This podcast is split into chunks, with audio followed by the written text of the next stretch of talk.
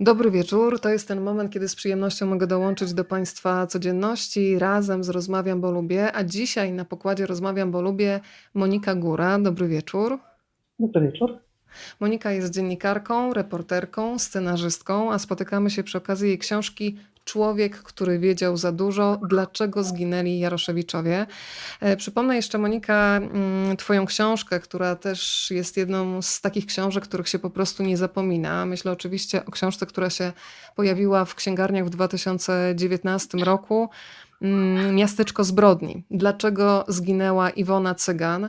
E, mogę chyba powiedzieć, że to była taka książka, która powstała najpierw, e, rozrosły się po prostu reportaże, które pisałaś na temat e, przerażającego zabójstwa, zabójstwa, które miało miejsce w 1998 roku. Chodziło o śmierć nastolatki.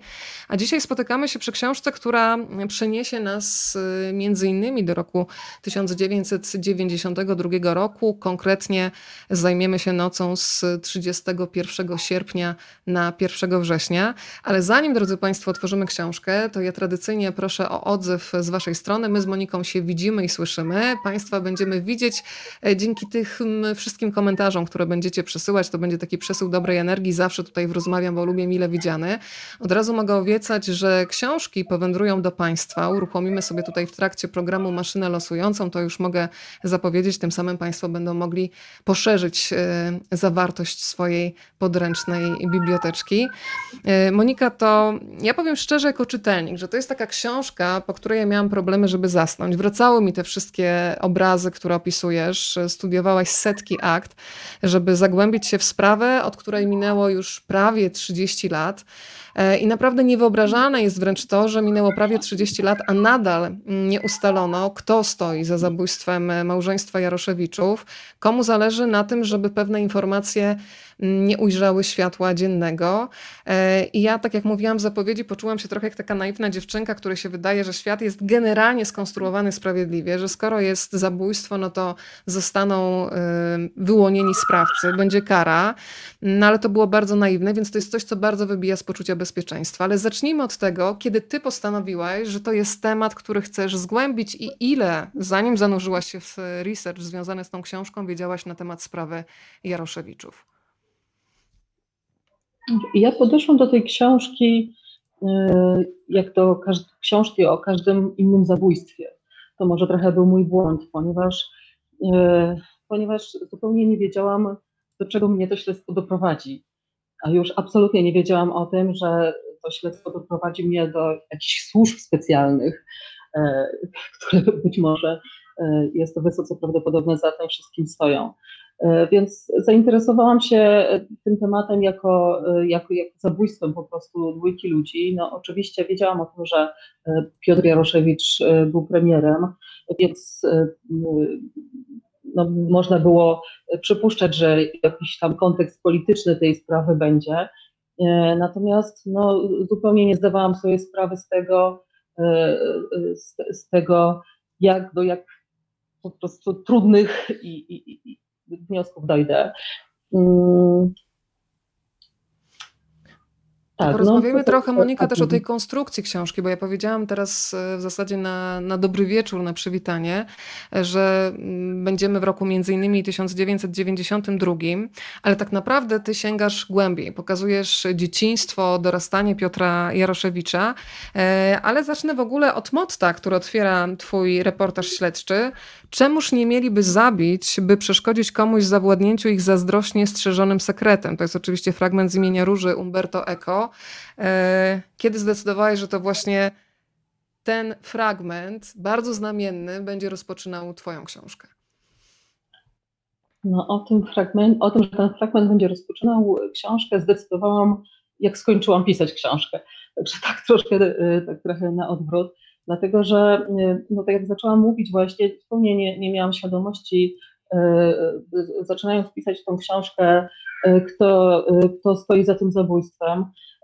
I e, dopiero jak napisałam, jak jakby przeszłam całe to śledztwo e, i napisałam książkę, e, to, to jakby z tego, z tego wszystkiego wyszło, że, że, że prawdopodobnie stoją za tym jakieś siły, które ciągle nie pozwalają na to, żeby to zabójstwo się wyjaśniło, żeby ta sprawa wyszła Więc, więc to motto pojawiło się jako taki jakby wynik, wynik tego wszystkiego, czego dowiedziałam się w trakcie, w trakcie badań do tej książki. Ja dzisiaj sobie postanowiłam, że ta nasza rozmowa będzie mm, toczyć się w zasadzie na trzech płaszczyznach. Pierwszy oczywiście to będzie ten moment, kiedy skupimy się na sprawie Jaroszewiczów, na tych wszystkich zaniedbaniach, chociaż słowo zaniedbanie jest delikatne na to, o czym będziemy mówić, które popełniono podczas e, śledztwa. Mm, później bardzo bym chciała, żebyśmy porozmawiały też e, o tym, jak wygląda rzemiosło dziennikarskie i to, dlaczego ty sięgasz po takie, a nie inne tematy, które myślę, że emocjonalnie bardzo mocno się muszą osadzać e, w człowieku. Ja jako jako czytelnik nie mogłam spać, a jednocześnie też nie mogłam się oderwać od Twojej książki, bo ona jest napisana w taki sposób, że po prostu się pochłania e, stronę za stroną. E, no i porozmawiamy też o tych wszystkich rodzinnych związkach, bo też życiorys Piotra Jaroszewicza e, jest bardzo zróżnicowany. Zacznijmy od miejscowości, do której nas zabierasz w, we fragmencie książki. Myślę o przystanku Nieśwież, takie miasteczko z Zamkiem Radziwiłł w pobliżu Mińska, dzisiaj na terenie Białorusi. Dlaczego zabierasz czytelnika właśnie tam? Wydawało mi się ważne, e, żeby przy okazji jakby tej sprawy zabójstwa przedstawić też postać pana Piotra Jaroszewicza, e, pokazać gdzie dorastał, w jakich warunkach dorastał, e, jak wyglądała jego młodość, jak później wyglądały jego losy w momencie, kiedy wybuchła wojna. E, wydawało mi się, że to wszystko, mm, że to wszystko jest jakby ważne, żeby e, wytłumaczyć jego późniejsze losy, jego losy po, po, po wojnie. Mm, poza tym też było ważne dla mnie, żeby czytelnik jakoś tak związał się emocjonalnie z, z, z panem Piotrem e, i chciałam go pokazać od takiej strony właśnie też bardziej prywatnej to właśnie w tym celu, w tym celu e, opowiedziałam też trochę o jego dzieciństwie, jego młodości. Tam się pojawia takie bardzo ważne i wręcz niepokojące słowo jak e, przepowiednia. E, powiedzmy, jaką przepowiednię usłyszał Piotr Jaroszewicz jako tak naprawdę młody chłopak, bo kiedy już zna się to, w jaki sposób skończyło się jego życie, no to przyznaje, że ciarki chodzą po plecach. E, Piotr Jaroszewicz jako młody chłopak, jako dziecko właściwie miał takiego kolegę, który był epileptykiem. I pewnego dnia ten epileptyk e, przepowiedział mu, że widzi go w kałuży krwi e, i widział tam też cyfrę 9. Że, przepowiedział, że w ten sposób zginie, że jakąś tragiczną, nagłą, tragiczną śmiercią. I, I rzeczywiście pana Jaroszewicza przez całe życie ta przepowiednia jakby prześladowała. On się cały czas, e, cały czas bał, że ta przepowiednia się sprawdzi.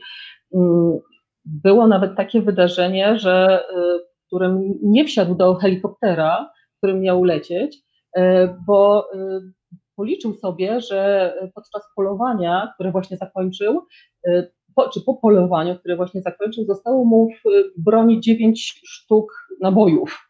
I, i ta, ta dziewiątka, to, to, dziewięć nabojów skojarzyło mu się z tą dziewiątką właśnie przepowiedzianą przez tego epileptyka yy, i, i nie, nie, chciał wsiąść do tego helikoptera. Po jakimś czasie wsiadł, yy, no i yy, ten helikopter, yy, jak wzniósł się na wysokość jakichś 100 metrów, to nagle spadł w dół.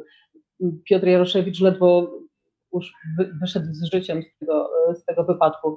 Także chyba po tym wydarzeniu y, jeszcze bardziej ta przepowiednia mm, po prostu jakoś tam w jego głowie stanowiło jakieś realne zagrożenie. Wierzył w to, że ona rzeczywiście, że ona rzeczywiście y, może się spełnić i ten epileptyk rzeczywiście y, przepowiedział mu jego przyszłość. Dołączają do nas kolejni widzowie. Widzę, że już jesteśmy w Niemczech, ale jesteśmy też w Filadelfii, w Rybniku, kłania się Biała Podlaska, pozdrawia Rzeszów, Gdańsk. Jesteśmy też, teraz dołączyła pani Marta z Ostrowa Wielkopolskiego. Ja też zachęcam, żeby dzielić się naszym spotkaniem z innymi, a można to zrobić w prosty sposób. Pod tymi oknami, w których nas widać, jest guzik udostępnij. Państwo klikają i tym samym ta rozmowa pojawia się również na Waszej osi czasu. To przenieśmy się, Moniko, teraz na ulicę Zorzy 19. Swoją drogą bardzo jestem ciekawa, czy ktoś z Państwa po drugiej stronie mieszka w Aninie e, i wie, mm, z jaką historią związana jest e, ulica e, Zorzy 19. Mm, to jest ten rok, uruchamiam ten wehikuł czasu, zatrzymujemy się w roku 1992, noc z 31 mm, sierpnia na 1 września. Powiedzmy, co udało się bez żadnych wątpliwości, Moniko, ustalić, a ile rzeczy jeszcze prawie po 30 latach cały czas jest e, tajemnicą? No właściwie udało się ustalić najważniejsze kwestie, to znaczy, że e, pan Piotr Jaroszewicz i pani Alicja Solska zostali e, brutalnie zamordowani, chociaż nawet, e, nawet jak chodzi o kwestię torturowania ich, teraz prokuratura twierdzi, że pan Piotr Jaroszewicz nie był torturowany, więc jak widać, na, na, nawet po prostu tak, tak oczywistej, prostej kwestii w dalszym ciągu śledczy nie są w stanie z całą pewnością ustalić. Poza tym y, właściwie nic nie wiadomo tak naprawdę. Wiadomo, że skradzione zostały w domu y, jakieś, y, jakaś broń, że zostały skradzione z domu jakieś książki stare. Być może zostały skradzione pieniądze, ale z tego też nie ma żadnej pewności. No i właściwie nic więcej nie wiadomo, bo ani nie wiadomo, kto to zrobił, ani do końca nie wiadomo, kiedy, kiedy to morderstwo nastąpiło. Y, tak naprawdę, y, tak naprawdę dwa śledztwa, które w tej sprawie się toczyły, ustaliły zupełnie innych oskarżonych, jak również ustaliły zupełnie inny przebieg tego wydarzenia. Także no jest to przeciwna sprawa właśnie z tego powodu, że tak trudno jest ustalić cokolwiek pewnego w niej.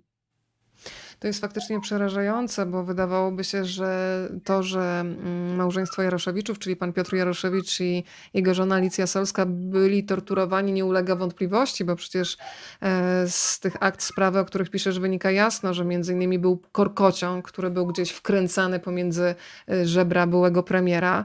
E, są takie ślady na ciele, które no jasno by wydawałoby się sugerowały, że do tych tortur doszło. Ja tutaj jeszcze spoglądam na Państwa komentarze. Pani Marzena pisze, że miała okazję okazję posłuchać darmowego, reklamowego fragmentu audiobooka. Jest tak wciągający, ani przez moment się tego nie spodziewałam, sposób narracji, że przeczytałam e, całą książkę. E, ja potwierdzam, że to jest taka książka, którą się otwiera i ona po prostu wciąga do środka i nie sposób jej odłożyć e, na chwilę. Dołączają do nas kolejne osoby, między innymi witamy na pokładzie Poznań, Sosnowiec i dołącza też deszczowe Pomorze Zachodnie, dokładnie Szczecin w postaci pani Joanny. Od razu mówię, że w trakcie całego spotkania Państwo też mogą zadawać spotkania spotkania, e, pytania Monice Górze, które oczywiście z przyjemnością będę przekazywać. E, Monika, dla mnie też bardzo ciekawe jest to, co piszesz o budynku przy ulicy Zorzy 19, że sam ten budynek skrywa wiele tajemnic. E, piszesz między innymi o tym, że po wojnie znajdowała się tu jedna z baz informacji wojskowej, poprzedniczki Wojskowej Służby Wewnętrznej że stacjonował w, pod tym adresem Józef Światło, późniejszy pułkownik Urzędu Bezpieczeństwa, który w 50 latach zbiegł na zachód. E, potem piszesz o tym, że w willi mieściła się placówka Urzędu Bezpieczeństwa i przyznaję, że dla mnie zaskoczeniem było to, że e, w tej willi mieszkał również Julian Tuwim i mam wrażenie, że go trochę zakwaterowano, żeby właśnie oczyścić taką koszmarną atmosferę, taką energię, którą był przepełniony ten budynek. Nie, nie wiem, dlaczego go tam zakwaterowano. No, dla mnie dla mnie ciekawą sprawą e, jest to, że Piotr Jaroszewicz trafił do tej willi e, właśnie jakoś w czasie wojny, wydaje mi się, lub zaraz po wojnie i odbijał stamtąd właśnie z, z, z rąk informacji wojskowej swoich oficerów, a później po latach znów trafił do tej willi już jako jej mieszkaniec, doskonale zdając sobie sprawę z tego, co się tam mieściło, prawda, że e, mieściła się tam katownia ubecka i, e, i, i wylało się tam sporo krwi. E, zdecydował się tam zamieszkać. Pani Alicja Solska nawet była pytana o to, czy nie przeszkadza jej to, że, że, że w tym miejscu były takie, działy się takie, takie sceny i miały miejsce takie wydarzenia. Ona mówiła, że nie myśli o tym i że, że, że, że nie przeszkadza jej to. Także no, postanowili tam zamieszkać. Porozmawiajmy też trochę o Twoich rozmówcach, którzy wnoszą sporo informacji do Twojej książki. Człowiek, który wiedział za dużo. Wśród rozmówców e, pojawia się Dariusz Janas, czyli jeden z pierwszych policjantów na miejscu zabójstwa. E, I on wprowadza czytelnika trochę w taką codzienność byłego premiera. Okazuje się, że no, w domu był m.in. dziennik odwiedzin gości, spis wydatków i to bardzo skrupulatny. Pan Dariusz Janas mówi o tym, że bieliznę premier nawet miał ułożoną w pudełkach, na których były napisy skarpety czyste, skarpety naprawiane, podkoszulki z krótkim rękawem, z długim. No a za koszulami, za koszulkami była niespodzianka, czyli ukryta broń sportowa. Powiedzmy, ile tej broni było w domu przy ulicy Zorzy 19, bo dla mnie ilość tej broni pokazuje, że to był człowiek, który żył no, w ciągłym strachu, że on miał świadomość zagrożenia, jakby się spodziewał, że w taki inny sposób no, może opuścić ten świat. To znaczy, wydaje mi się, że ta broń, którą, e, którą Piotr Jaroszewicz trzymał w swoim gabinecie e, w szafie, to była broń, która, o której on nie myślał chyba w charakterze e, takim, że użyje jej do, do własnej obrony. To była raczej broń albo taka pamiątkowa z czasów wojny, albo była to broń, której, którą Piotr Jaroszewicz używał w czasie polowań po prostu. Dlatego tych sztuk broni tam było tak dużo. Natomiast on miał przy sobie pistolet. Pani Alicja Solska też podobno miała przy, przy łóżku pistolet. Mm, w momencie, kiedy y, siadał nawet do oglądania telewizora, podobno kładł go, kładł go przy sobie. Także rzeczywiście, y, rzeczywiście czegoś się obawiał i z, i z bronią chodził. No natomiast cały ten arsenał broni, jaki był w jego domu, raczej, tak jak mówię, y, służył albo do polowań, albo był jakąś jakąś pamiątką z czasów wojny. Tak, piszesz między innymi o tym, że nawet na spacery z psem z tym y, pistoletem chodził, więc to też obrazuje jednak taką świadomość tego, że jest jakieś zagrożenie. Pojawiło się, słuchaj, od razu pytanie od pana Jakuba, które przekazuje. Czy wiesz, kto dziś zamieszkuje dom przy ulicy Zorzy 19 i czy kto jest ktoś z rodziny Jaroszewiczów? Tak, tak. To znaczy nie, nie wiem do końca, kto tam zamieszkuje, ale na pewno nie jest to nikt z rodziny Jaroszewiczów. E, Jaroszewiczowie e, sprzedali całą tą działkę. Później ta działka została podzielona na kilka mniejszych i obecnie tam mieszkają zupełnie, zupełnie nieznane im rodziny, nieznani ludzie. To porozmawiajmy trochę o sejfach, które można było znaleźć w domu państwa Jaroszewiczów. W zasadzie był taki jeden z prawdziwego zdarzenia. Mm, co było w tym sejfie i co z tego sejfu zniknęło, bo tutaj też jest, powiedziałabym, co najmniej kilka narracji. Czy były, e, były można powiedzieć, dwa sejfy? z czego jeden to właściwie była taka szafa pancerna, która była zamykana na zamek i ona się znajdowała w y, pokoju, w gabinecie na górze y, pana Piotra Jaroszewicza. Były premier trzymał w niej właśnie broń, tak jak mówiłam, a poza tym trzymał w niej dokumenty, y, być może pieniądze, jakieś takie swoje rzeczy, które, no, które uznał, że muszą być zamknięte. Natomiast taki safe z prawdziwego zdarzenia był na parterze, i podobno był to safe, do którego dostęp, do którego kod i klucz mieli tylko e, pani Alicja Solska i pan Jan Jaroszewicz, syn e, pani Alicji Solskiej z pierwszego małżeństwa. No i tam w tym sejfie na dole e, pani Alicja Solska trzymała różnego rodzaju precjoza, jakieś pierścionki, kamienie drogocenne i, i, i swoje własne dokumenty. Y, no i y, w zasadzie z tego sejfu na dole y, nic nie zginęło. Ciekawą rzeczą jest, że obecni oskarżeni twierdzą, że otworzyli ten sejf, czyli musieli znać kod i mieć klucz do tego sejfu, skoro go otworzyli, przeszukiwali go albo potrafili się do niego włamać, przeszukiwali ten sejf ale nic z niego nie zabrali, ponieważ, jak twierdzą, chcieli zmylić w ten sposób śledczych. No jest to bardzo dziwne tłumaczenie i, yy, i nie, za bardzo wiadomo, co to za koncepcja. Ale w każdym razie te precjoza, te pierścionki, klejnoty zostały w tym sejfie. W momencie, kiedy pojawili się w willi śledczy, pojawiła się, pojawili się prokuratorzy, E, pan Jan Jaroszewicz stwierdził, że e, te rzeczy, które znajdują się w sejfie, należą w dużej części do niego. I prokurator zgodził się na wydanie, wydanie mu tych rzeczy, tych klejnotów, prawdopodobnie brylantów, mimo że tak naprawdę nikt nie, nie, nie było żadnego dowodu jakby na to takiego materialnego, że rzeczywiście te rzeczy należą do, do pana Jana Jaroszewicza. No i efekt był taki, że złodzieje nic nie zabrali z tego sejfu, natomiast y, klejnoty najcenniejsze zniknęły z niego y, już w momencie, kiedy śledczy byli na miejscu zbrodni. Także taka Dla dosyć mnie... dziwna sytuacja. Tych dziwnych sytuacji jest mnóstwo, ale dla mnie czymś, co jest bardzo tajemnicze, jest sama sytuacja tego, jak o śmierci swoich rodziców, w jaki sposób o śmierci swoich rodziców dowiedział się Andrzej Jaroszewicz, który też jest bardzo ważną osobą w Twojej książce. E, bo przywołajmy ten moment, kiedy on po prostu o 9 rano przychodzi sobie do swojego biura. To była firma Artex w Gdańsku. E, to jest biuro, które specjalizowało się wtedy w handlu z krajami byłego Związku Radzieckiego. Siada sobie przy biurku, przegląda papiery i nagle wchodzi sekretarka, sekretarka, która jest cała roztrzęsiona. Co się dzieje dalej? Sekretarka mówi mu, że, że słyszała w radiu, że zamordowano jego rodziców. Pan Andrzej Jaroszewicz jest bardzo zaskoczony, nie wie, zupełnie nie wie, co się wydarzyło, nie wie o tym, y, że, że do takiej tragedii doszło w domu jego rodziców. Próbuje się dodzwonić do Anina, ale nic nie odbiera, więc prosi swoją y, narzeczoną, ówczesną narzeczoną, późniejszą żonę Grażynę, żeby, żeby próbowała dodzwonić się do Aniny, dowiedzieć się, czy rzeczywiście tam się coś, y, coś strasznego stało.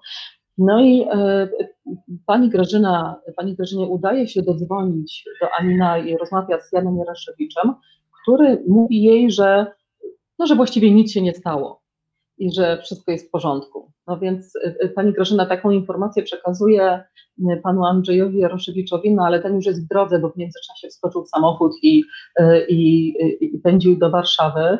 No i jak przyjechał na miejsce, to okazało się, że rzeczywiście pod domem była, było pełno policji,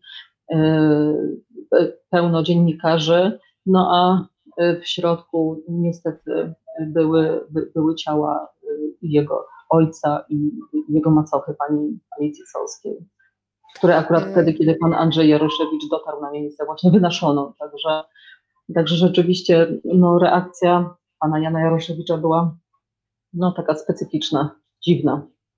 No, ta reakcja Jana Jaroszewicza, czyli przypomnijmy syna Alicji Solskiej i Piotra e, Jaroszewicza. Od razu wyjaśnimy, że Andrzej Jaroszewicz e, był synem, który miał inną matkę, to była Oksana, prawda?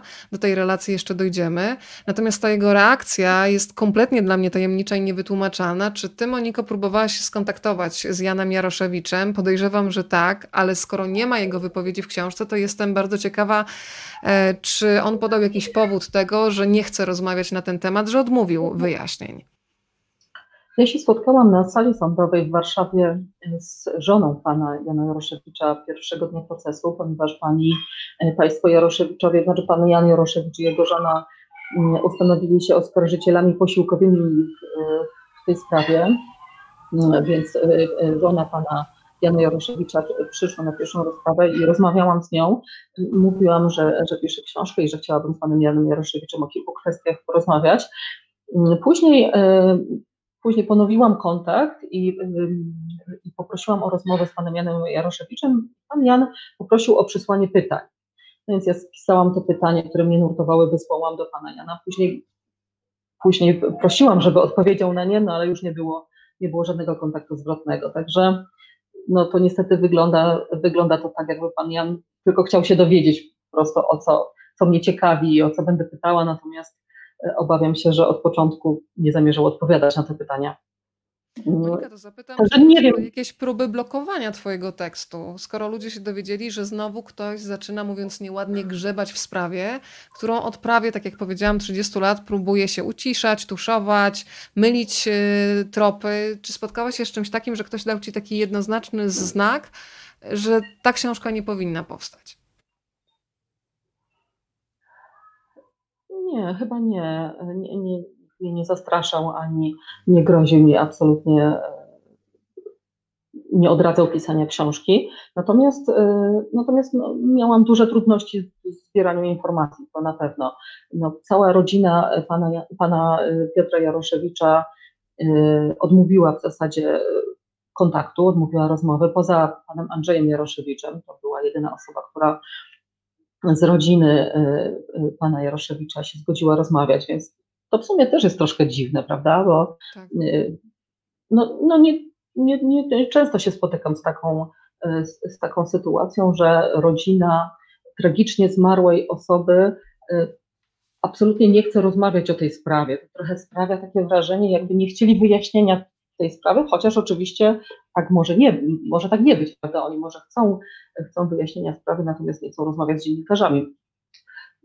Bardzo możliwe, że tak, że tak jest po prostu. No, no ale rzeczywiście cała rodzina odmówiła, odmówiła jakiegokolwiek kontaktu.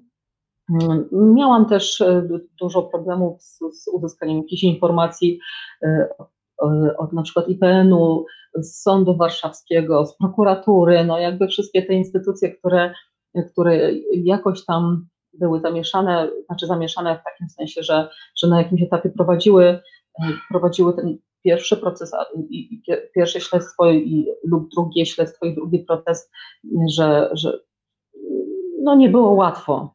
Nie było łatwo w dotarciu do akt, nie było łatwo w dotarciu, dotarciu do aktu oskarżenia, to do tego stopnia, że że, że w ogóle nie udało mi się dotrzeć do tych akt i przejrzeć, ani nawet nie, nie udało mi się przeczytać aktu oskarżenia całego, bo y, ani prokuratura, ani sąd się na to nie zgadzali. Monika, to porozmawiajmy trochę mm, o tym, co jest y, bardzo nurtujące w tej sprawie. Ja się zastanawiam teraz, no bo reporter śledczy jest zazwyczaj bardzo upartym człowiekiem i nawet jeżeli ktoś mu raz mówi nie, to on próbuje drugi, trzeci, czwarty. Czy był jakiś taki bohater, który się pojawia w Twojej książce, którego próbowałaś namawiać wielokrotnie, a on jednak cały czas mówił, że nie chce się wypowiadać e, na temat tej sprawy i tutaj już zostawiamy na boku rodzinę, bo powiedziałaś teraz już jasno, że oprócz Andrzeja Jaroszewicza nikt nie był zainteresowany rozmową z dziennikarzem na ten temat. E, jak wyglądały sytuacje jeszcze z innymi ludźmi, do których docierałaś, którzy mają sporą wiedzę, która mogłaby wnieść nowe tropy do śledztwa dotyczącego zabójstwa Jaroszewiczów? No, taką osobą jest pani Barbara Jakubiec. To jest e, pani, to jest dziennikarka z Gdańska. Myślę, że to jest bardzo ważna osoba dla tej sprawy. E, ta dziennikarka miała prawdopodobnie 1 września przyjechać do e, pana Piotra Jaroszewicza po to, aby sfilmować ważne dokumenty, archiwalia, które posiadał pan Piotr Jaroszewicz. E, te, te dokumenty, te archiwalia pani e, Jakubiec miała właśnie tak mówię sfilmować, miała przeprowadzić wywiad z panem Piotrem Jaroszewiczem na ten temat, po czym miała je wywieźć za granicę lub, lub schować gdzieś w jakimś sejfie, po to, żeby ujawnić je dopiero po śmierci pana Piotra Jaroszewicza. One były do tego stopnia z jednej strony ważne, ale z drugiej strony niebezpieczne jeszcze wtedy, że, że, że Piotr Jaroszewicz nie zdecydował się na ich y, ujawnienie od razu, tylko właśnie na, jakby polecił jej, żeby, żeby to sfilmowała, żeby to jakby nie, nie zginęło, tak, żeby nikt tego nie ukradł na przykład, mm, żeby się to zachowało dla, powiedzmy, dla potomnych. Y, natomiast, y, natomiast, żeby to zostało ujawnione dopiero po jego śmierci. I pani, pani Barbara Jakubiec, właśnie tak jak powiedziałam, miała przyjechać 1 września. Więc i nie wiadomo tak naprawdę, czy przyjechała tego 1 września. Y, przypomnę, że wtedy y, państwo Jaroszewiczowie y, już nie żyli, natomiast jeszcze nikt o tym nie wiedział. To znaczy, to po prostu to był dzień, kiedy przed odkryciem ich zwłok,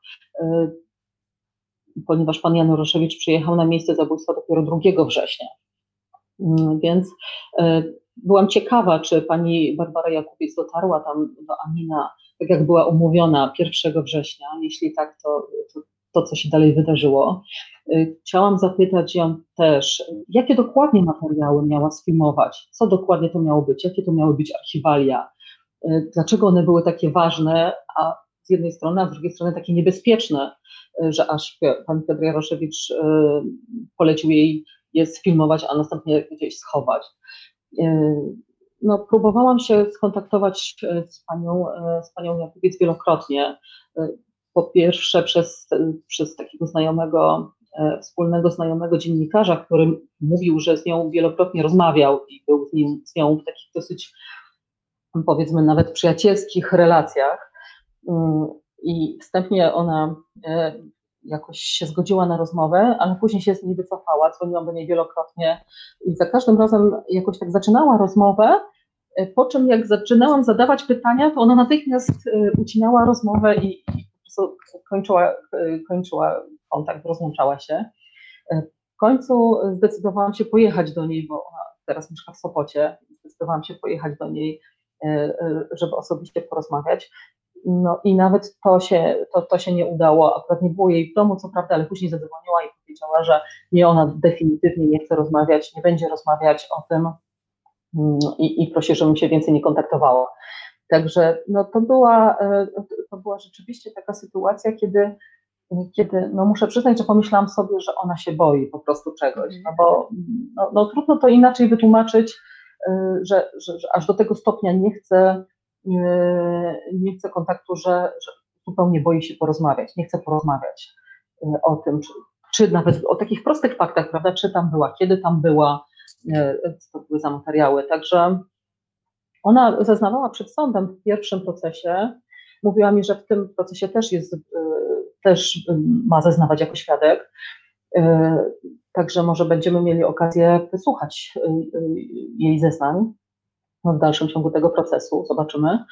E, ona zeznawała w pierwszym procesie i mówiła, że właśnie potwierdzała, że, że miała, miała sfilmować ważne, ważne archiwalia, ale sąd jej nie dopytywał, jakie to były materiały jakie to miały być dokumenty, które miała sfilmować. Pytanie tutaj jest jedno, czy ma Pani swoją teorię w sprawie motywu zbrodni? Pozdrowienia serdeczne pozdrawiamy również e, Monika, bo tych motywów, które sugerowano było mnóstwo. No ten rabunkowy jest naprawdę w mojej głowie bardzo mało prawdopodobny, bo dobrze kilka rzeczy zniknęło, ale te najcenniejsze zostały. E, ten motyw torturowania naprawdę sugerowałby to, że po prostu chciano wydobyć bardzo konkretne tajemnice, informacje dla wielu osób niewygodne. No i też zginęły, co wiadomo, z biurka mm, Piotra Jaroszewicza dokumenty, które zazwyczaj na tym biurku były. Więc w którą stronę ty się skłaniasz? No ja się zdecydowanie skłaniam w tym kierunku, że państwo Jaroszewiczowie zostali zamordowani z powodu materiałów, z powodu archiwaliów, które, które posiadali lub z powodu wiedzy, którą posiadali, a którą pan Piotr Jaroszewicz e, zamierzał opublikować w swojej najnowszej książce. Bo on napisał książkę Przerywam milczenie, tak. E, która była taka bardzo, e, bardzo ostrożna, bardzo zachowawcza. Pani Alicja Solska pilnowała, żeby pan, Jan, pan Piotr Jaroszewicz za dużo tajemnic nie zdradził. Natomiast on czuł, po, po wydaniu tej książki czuł niedosyt, czuł taki, e, czuł, że powinien powiedzieć więcej. I taki plan miał właśnie odnośnie swojej następnej książki, którą, y, którą pisał. Jest wielu, y, wielu świadków, wiele osób, które widziało y, rękopisy tejże, tejże nowej książki powstającej. Te rękopisy to tak można powiedzieć umownie, ponieważ to były wydruki maszynowe, po prostu pan Piotr tak. w dużej mierze pisał na maszynie, ale częściowo też, częściowo też pisał odręcznie. Więc no myślę, że myślę, że, że tak, że po, znaczy po, prze, po przeprowadzeniu jakby tego, tego całego, powiedzmy sobie, śledztwa dziennikarskiego, y, jestem przekonana, że chodziło właśnie o, o jakieś archiwalia, o jakieś ważne dokumenty, które lub wiedzę, y, które, którą pan Piotr Jaroszewicz planował opublikować. Monika, to jest taka książka, w której jest mnóstwo osób, które wprowadzają kolejne informacje. Czasami te narracje ludzi się wykluczają, więc jest słowo przeciwko słowu. Zastanawiam się, jak ty też konstruujesz sobie w głowie konstrukcję książki, żeby to wszystko pomieścić. Czy to sobie jakoś rozrysowujesz? Wiesz, od razu mam w głowie takie serialowe, e, ogromne jakieś mapy, plansze, na których się rozrysowuje drabinka, tak jak się tworzy kryminał, a tutaj trzeba połączyć po prostu różne kropki, te kropki, które próbowano zamazywać przekazywać. Jak ty sobie to budujesz w głowie, żeby nie zgubić? Bo tam naprawdę jest taka ilość zdarzeń, ludzi, różnych narracji, tak jak powiedziałam, czasem słowo przeciwko słowu, że można się pogubić. Jak, jak wyglądają takie twoje kotwice, żebyś wiedziała, gdzie masz te swoje stałe punkty i w którą stronę się poruszasz? Hmm, to znaczy, ja sobie właściwie bardziej w głowie to e, planuję. Planuję konkretne bloki, można powiedzieć, bloki tematyczne. W tej, w tej sprawie akurat było wiele hipotez, prawda, bo sprawa jest powiedzmy wałkowana e, przez media i przez, przy, przy, przez ludzi od lat, więc pojawiło się bardzo dużo hipotez na temat śmierci państwa Jaroszewiczów.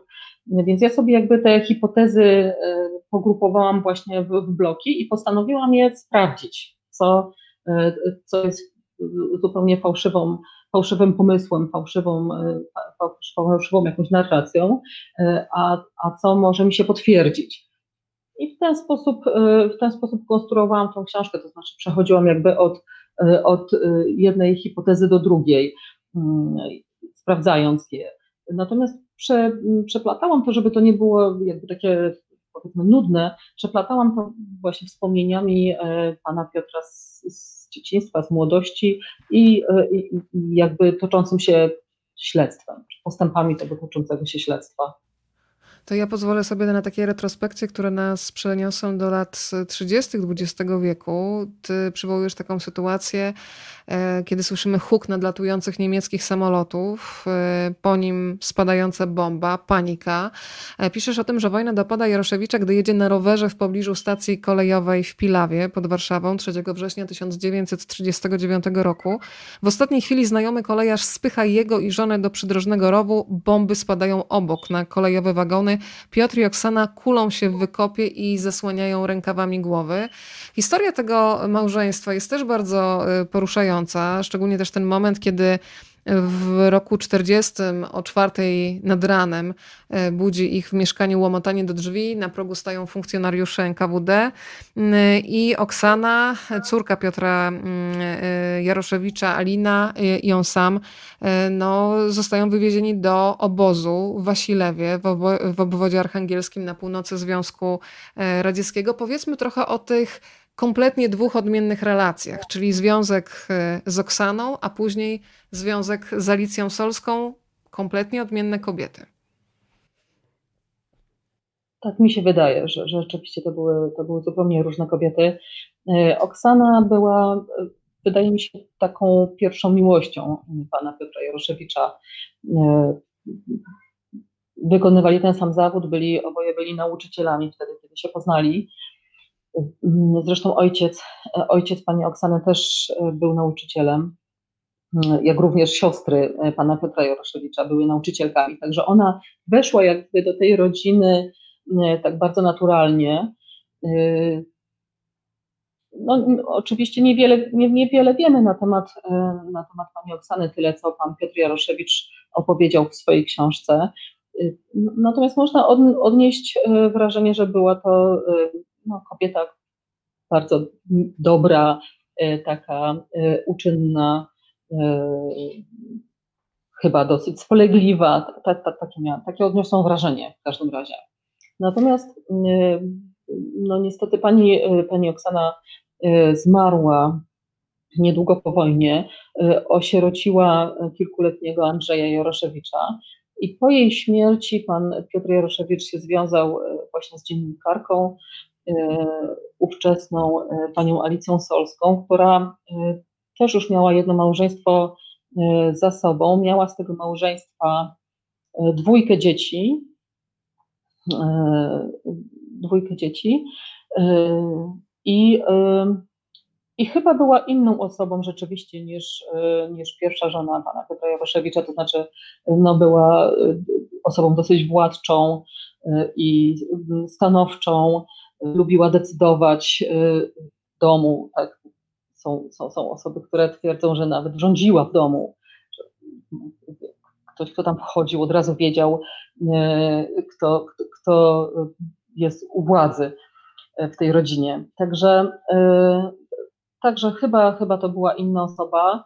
No i miała też zupełnie inny stosunek do, do Andrzeja Jaroszewicza, który był synem Piotra właśnie z tego pierwszego małżeństwa i w momencie, kiedy pan Piotr Jaroszewicz się właśnie ożenił z, z panią Alicją Solską, to, Piotr, to Andrzej Jaroszewicz stał się trochę taką kulą u nogi, można powiedzieć, pani Alicji Solskiej. Widzę, że po drugiej stronie są już czytelnicy książki, człowiek, który wiedział za dużo. E, pani Agnieszka pisze o tym, że dla niej najbardziej smutne było to, że z Oksaną miał wcześniej dwójkę dzieci i te dzieci zmarły. E, na mnie też e, bardzo duże wrażenie zrobił ten fragment, bo kiedy człowiek po prostu włącza empatię i myśli sobie o ludziach, którym przez bardzo długi czas siłę do życia dawała dziewczynka Alinka, tutaj myślę o śmierci Alinki. Jak pisał Jaroszewicz, jej szczebiot, jej uśmiech, dziecięca radość cieszyły nasz cały barak. Mm, Oksana i ja żyliśmy dla tego dziecka, to dodawało nam sił, i potem mamy śmierć, i tak naprawdę mm, po wojnie nawet rodzice nie byli w stanie odnaleźć miejsca pochówku tej dziewczynki, więc to jest taki bardzo uniwersalny dramat rodzica, który musi się podnieść po takim doświadczeniu i iść dalej. Tak, tak, tak. Myślę, że rzeczywiście to, to było bardzo traumatyczne wydarzenie e, w życiu pana Piotra Jaroszewicza, szczególnie, że oni podróżowali z tym malutkim dzieckiem e, właściwie przez całą wojnę. Całą wojnę, e, całą wojnę usiłowali utrzymać to, to malutkie dziecko przy życiu, mimo że zostali wywiezieni e, właśnie na północ Związku Radzieckiego. Piotr Jaroszewicz pracował tam jako drwal przy wyrębie, przy wyrębie drewna, mieszkali w jakimś szałasie, oczywiście nieogrzewanym, spali na pryczach. Kilka dni jechali pociągiem, takimi wagonami towarowymi, prawda? I y, nie było tam co jeść, więc, y, więc mm, Piotr Jaroszewicz opisuje, jak to się pozostali, y, pozostali więźniowie dzielą z nimi jedzeniem po to, żeby oni mieli właśnie dla tego małego dziecka. Że Piotr Jaroszewicz opisuje też, jak robili jakąś wanienkę kawałka drzewa po prostu, w którym wyżłobili, wyżłobili takie miejsce, w którym to dziecko mogli wykąpać. Także no naprawdę te losy były, te, te ich losy z tym dzieckiem były burzliwe bardzo i, i trudne. No i niestety zaraz po zakończeniu wojny, czy jakoś, czy, czy pod, koniec, pod koniec wojny ta dziewczynka zachorowała, jeśli dobrze pamiętam, na, na zapalenie płuc chyba i, i zmarła pochowali, pochowali to dziecko pod Stalingradem. Także, także rzeczywiście teraz po, po śmierci córki Piotr Jaroszewicz się rozchorował bardzo ciężko, żona również, trafili oboje do szpitala, no ledwo, ledwo wyszli z tego z życiem. Y, bardzo ważna część Twojej książki, Moniko, to też jest ten moment y, związany no, z, z uwikłaniem w taki, a nie inny rząd. Przytaczasz słowa Jaroszewicza, który mówił: Ja byłem przekonany, mimo wszystkich nieszczęść, jakie nas spotkały, że sojusz z Armią Czerwoną i wspólna walka o wyzwolenie Polski od faszystów to jedynie słuszny wybór dla Polaków w Związku Radzieckim. Bardzo ciekawy i mm, znowu tajemniczy mm, jest ten wątek bardzo szybkich awansów w strukturach władzy. E, piszesz między innymi o tym, że Piotr zostaje głównym e, kwatermistrzem wojska Wojska Polskiego, trzecim wiceministrem obrony. Potem jako 36-latek dostaje nominację na e, generała brygady. I taki skok w karierze jest naprawdę czymś niespotykanym. Wspominasz, że nawet Jaruzelskiemu przejście od szeregowca do generała zajęło 13 lat.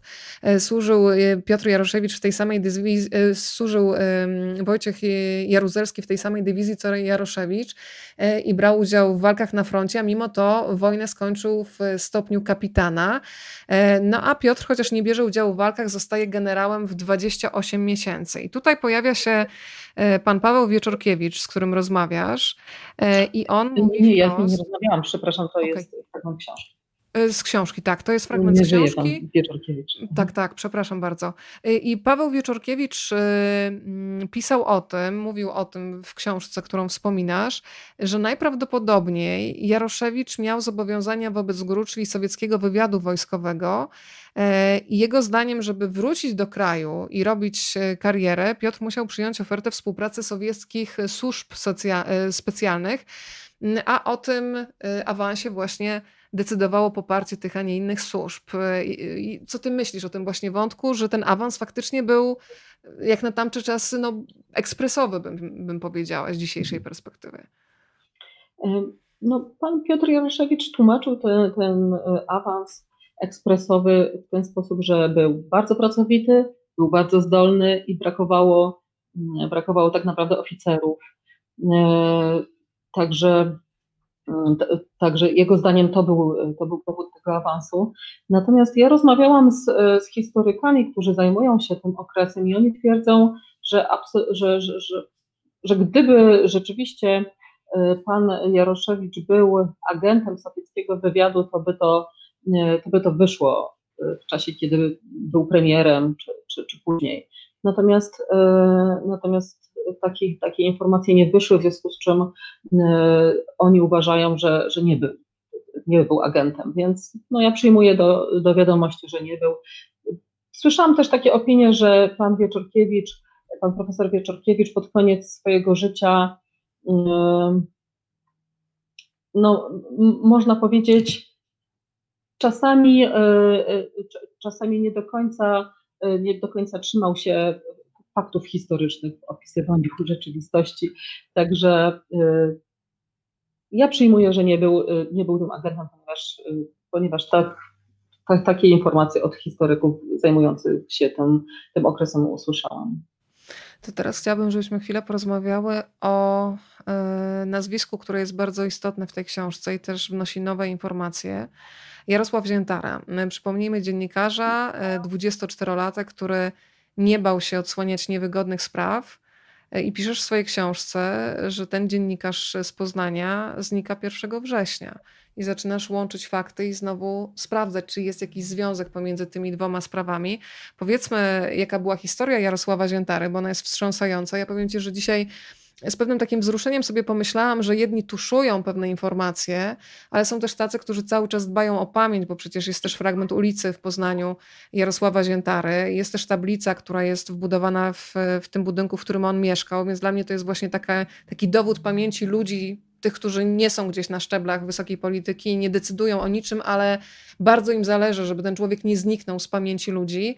E, jak e, dotarłaś do tego, żeby te dwa wątki połączyć albo przynajmniej zacząć drążyć i zadawać pytania. Czy tutaj nie ma jakichś wspólnych łączników?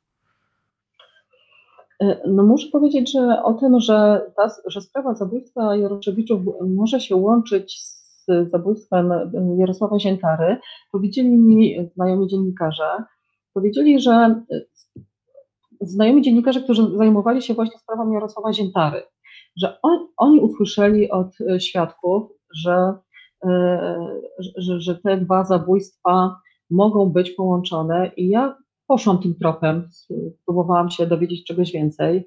Spotkałam się z prokuratorem, panem Piotrem Kosmatym z prokuratury wówczas, wtedy kiedy zajmował się e, śledztwem, był wtedy w prokuraturze okręgowej w Krakowie, jeśli pamiętam, który prowadził właśnie śledztwo w sprawie, w sprawie zabójstwa Jarosława Ziętary i on mi potwierdził, że rzeczywiście w tym śledztwie pojawili się świadkowie, którzy utrzymują, że, że, te dwa, że, że, że te dwa zabójstwa są powiązane w taki sposób, że datę zabójstwa Jarosława Ziętary celowo wybrano na 1 września, ponieważ ten, kto dokonał tego zabójstwa, wiedział, że poprzedniej nocy będzie znacznie Y, znacznie ważniejsze wydarzenie, znacznie które ważniejsze. Mi, prawda, tę sprawę. Tak, znacznie ważniejsze zabójstwo, które jakby, które przyćmi y, zabójstwo Dziętary. Także tego by wynikało, że co najmniej, y, że, że zabójcy tych, tych i, i Jarosława Ziętary i, i państwa Jaroszewiczów, że co najmniej się znali, albo był jakiś przepływ informacji pomiędzy nimi, jeśli już nie byli to ci sami ludzie, prawda, nie, byli to ci sami zleceniodawcy, czy ci sami wykonawcy, trudno powiedzieć. Ale, e, ale jest kilku świadków, którzy, e, którzy tak właśnie twierdzą, że, e, że a nawet pan prokurator Kosmaty powiedział, że jeden ze świadków w tej sprawie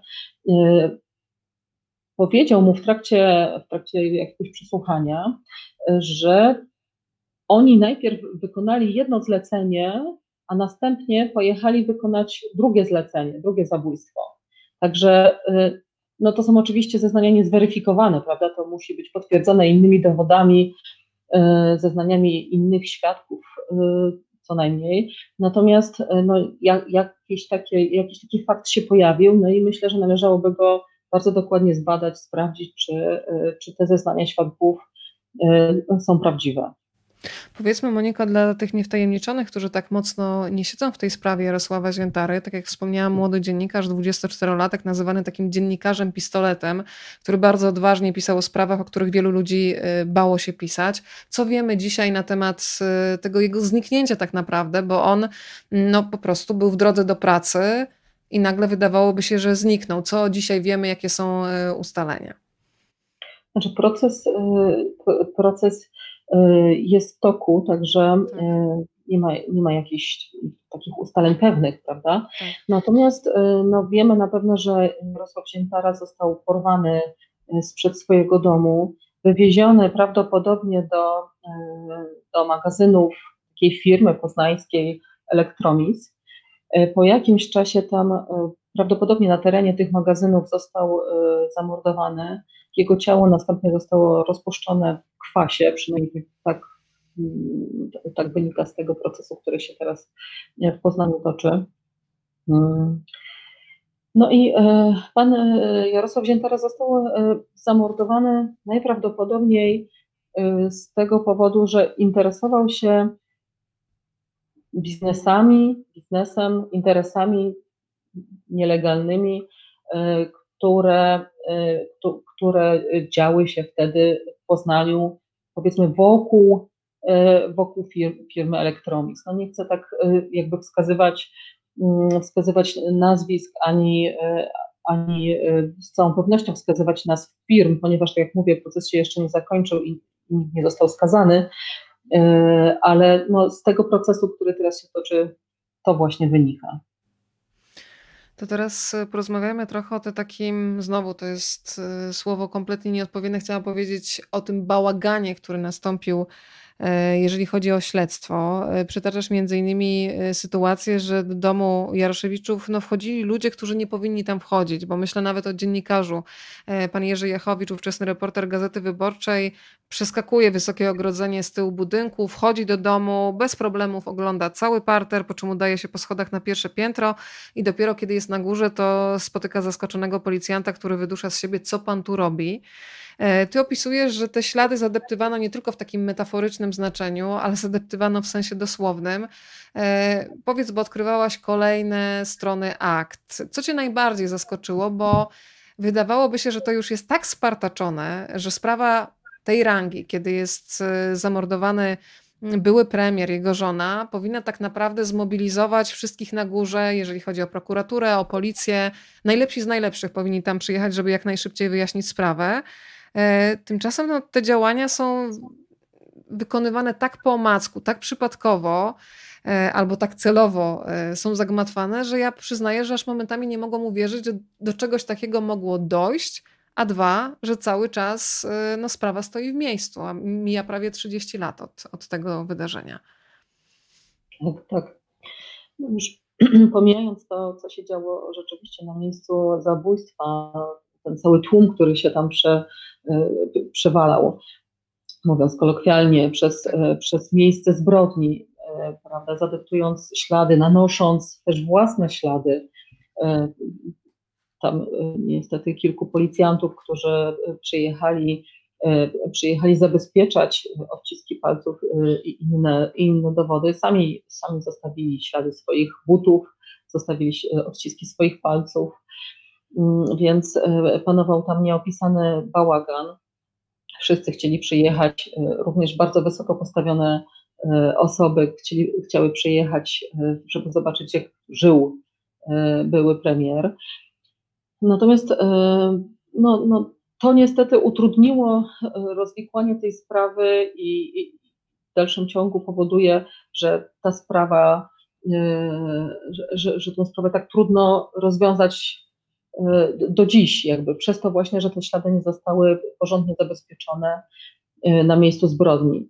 Natomiast mnie bardzo, y, bardzo ciekawi również inny fakt, że sąd, który, który zgromadził dowody w tej sprawie, w pewnym momencie postanowił wydać je w jakichś tajemniczych okolicznościach. Częściowo, częściowo te dowody wydać panu Janowi Jaroszewiczowi w pudle E, który, które pan Jan Jaroszewicz dostał od sądu, były zakrwawione ubrania jego rodziców, e, odciski palców e, zostawione na foliach daktyloskopijnych i inne dowody w sprawie.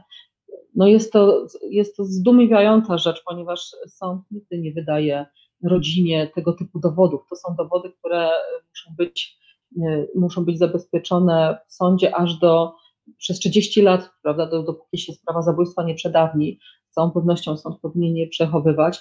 E, nigdy się nie wydaje e, takich rzeczy jak zakrwawione ubrania rodziców synowi zamordowanych. Nie wydaje się również folii daktyloskopijnej z odciskami palców. A w tej sprawie pan Jaroszewicz w jakichś dziwnych, dziwnych właśnie okolicznościach, dziwnym, dziwnym trafem to pudło z tymi dowodami dostał.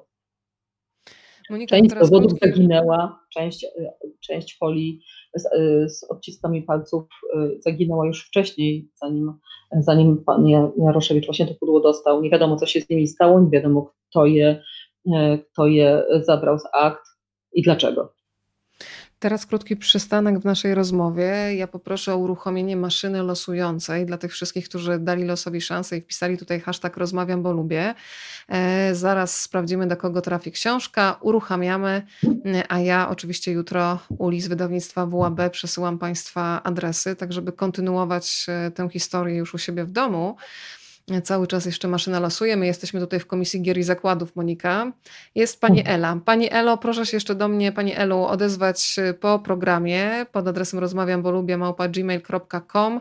E, ustalimy sobie adres, e, numer telefonu dla kuriera. Książka powędruje do pani. Będą jeszcze kolejne szanse na książki, ale teraz wracam do Moniki i do rozmowy Skupmy się jeszcze na chwilę, Monika, nad, na tym związku, bardzo skomplikowanym i też przedziwnym, czyli Alicja Solska i Piotr Jaroszewicz. Bardzo dużo tutaj wnoszą zeznania pani Mariany Oleszczuk, która była e, no, kimś w rodzaju takiej gospodyni w domu państwa Jaroszewiczów.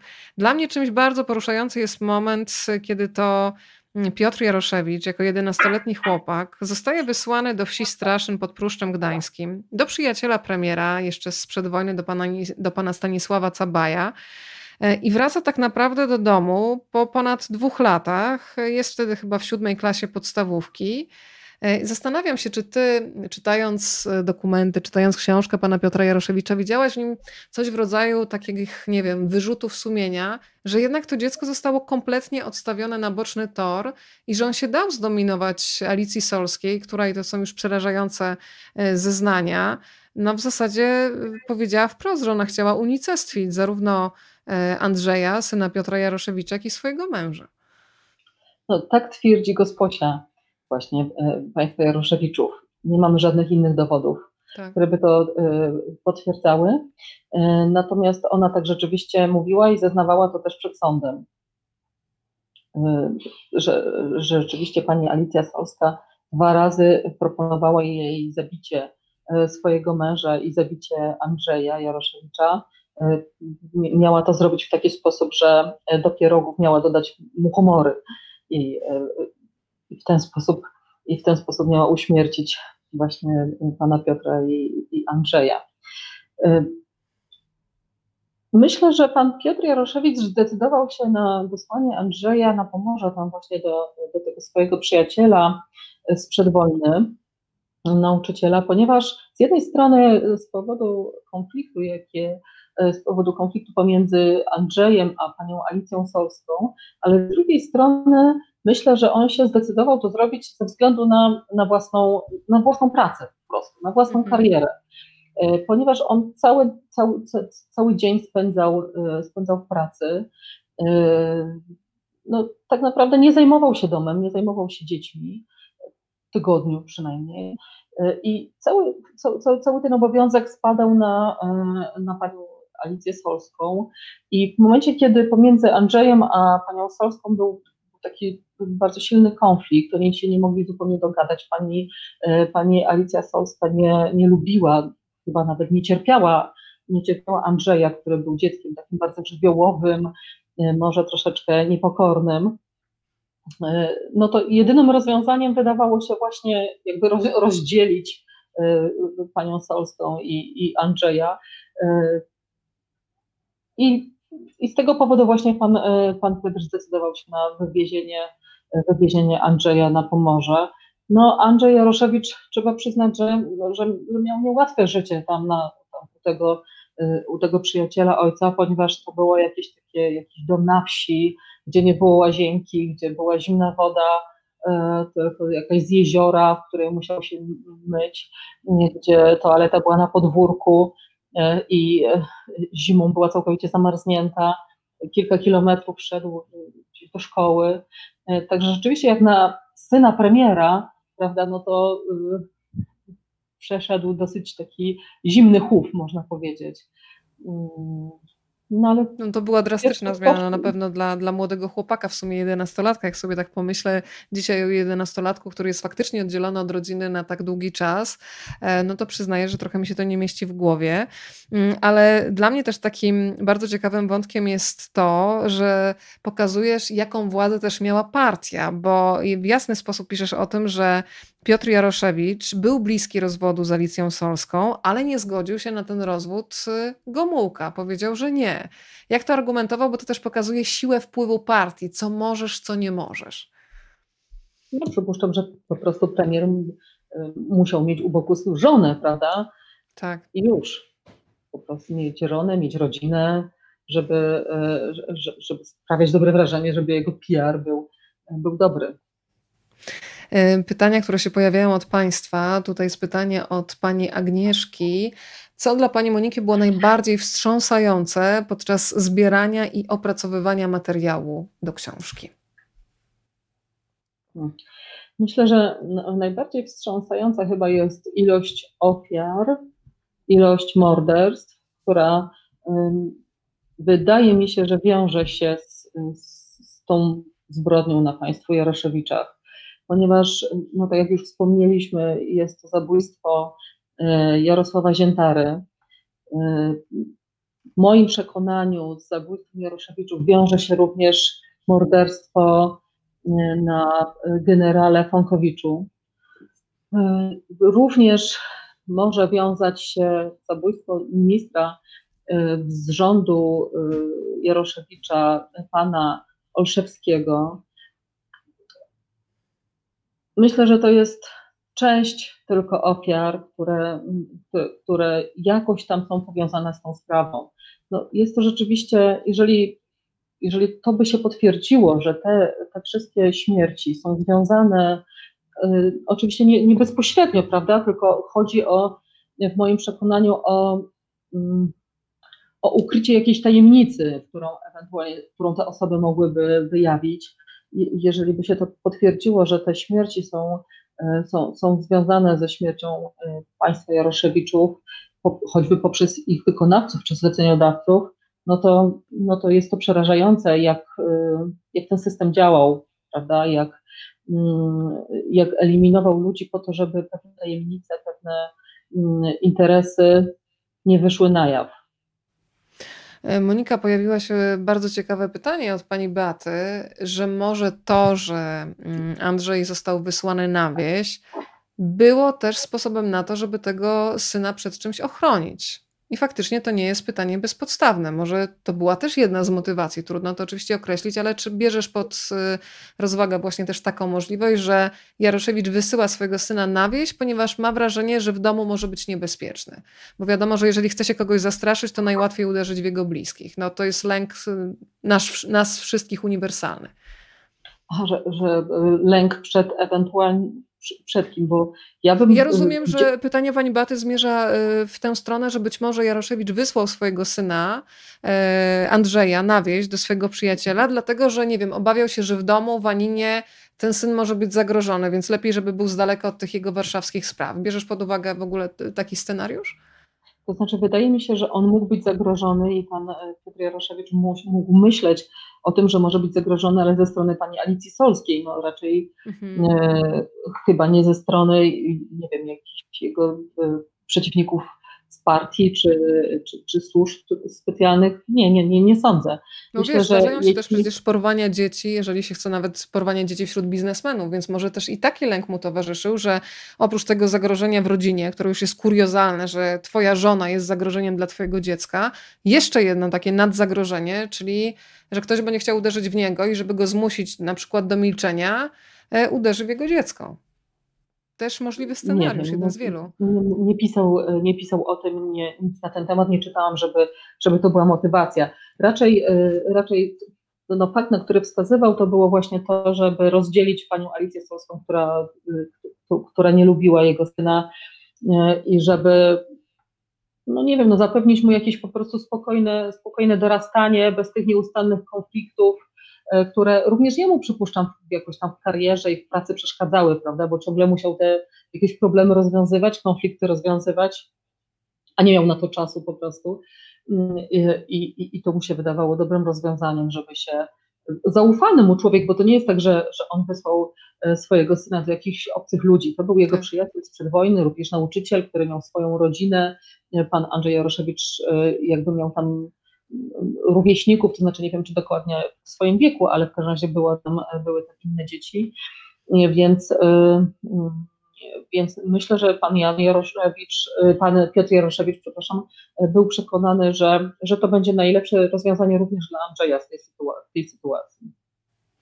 To kolejne pytanie, które mi przychodzi do głowy, zresztą tutaj też ktoś z Państwa je wyraził. O, od razu patrzę. E, ktoś pyta o to, czy e, szukanie potrzebnych informacji do napisania książki było wyczerpujące. Mówiła Pani e, wcześniej, że osoby proszone o rozmowę odmawiały, w jakim, w jakim stopniu utrudniały tym samym pisanie. To ja jeszcze trochę rozwinę ten wątek. Monika, o pytanie o to, czy Miałaś taki moment, kiedy wiedziałaś, że to już jest kropka i że to jest stop, że musisz się zatrzymać, że jeszcze mogłabyś otwierać kolejne pudełka, bo przecież sprawa się toczy. Zaraz powiemy o tych, którzy pojawiali się w sądzie jako oskarżeni. Pojawi się między innymi tutaj wątek gangu karateków, ale czy miałaś taki wątek faktycznie, kiedy no sama sobie powiedziałaś, że się musi za, musisz zatrzymać i tym samym miałaś w sobie, nie wiem, jakiś taki dziennikarski niedosyt, że jeszcze chcesz więcej, ale wiesz, no, że w pewnym momencie trzeba postawić kropkę i ewentualnie poczekać na ciąg dalszy. No takim momentem był y, moment, kiedy musiałam oddać książkę po prostu. Y, był deadline, tak? To jest, tak, to jest, to jest temat, który jest tak naprawdę studią bez dna. W momencie, kiedy zaczyna się w tym, powiedzmy, grzebać, mówiąc brzydko, tak, kiedy tak. zaczyna się sprawdzać, kiedy się zaczyna badać ten temat, ciągle wychodzą jakieś nowe rzeczy, nowe fakty, nowe powiązania, e, nowe informacje i naprawdę można, można to robić niemal w nieskończoność. No tutaj dodatkowym utrudnieniem było, tak jak powiedziałaś, to, że proces jest w toku, więc y, choćby zeznania, y, zeznania oskarżonych czy zeznania świadków z całą pewnością wiele wnoszą, wniosą jeszcze do tej sprawy i, y, i może jakoś ją lepiej naświetlą. Więc mi zależało na tym, żeby poczekać przynajmniej na, na ten moment, kiedy w sądzie zostanie ogłoszony akt oskarżenia i kiedy pierwsze zeznania złożą oskarżeni i na ten moment czekałam. No później już musiałam oddać książkę, więc nie mogłam czekać dłużej. Ale no tak jak mówię, to jest temat, który jest w dalszym ciągu do zbadania tak naprawdę. To znaczy ja w swojej książce próbowałam właśnie zweryfikować jakby te teorie, te hipotezy, które do tej pory się gdzieś pojawiły i kilka e, ewidentnie e, z nich wskazałam, że były fałszywe, że były na przykład to e, ta hipoteza, że pan Piotr Jaroszewicz zginął, ponieważ odkrył jakieś archiwa hitlerowskie w Radomierzycach. To jest mhm. bardzo popularna hipoteza.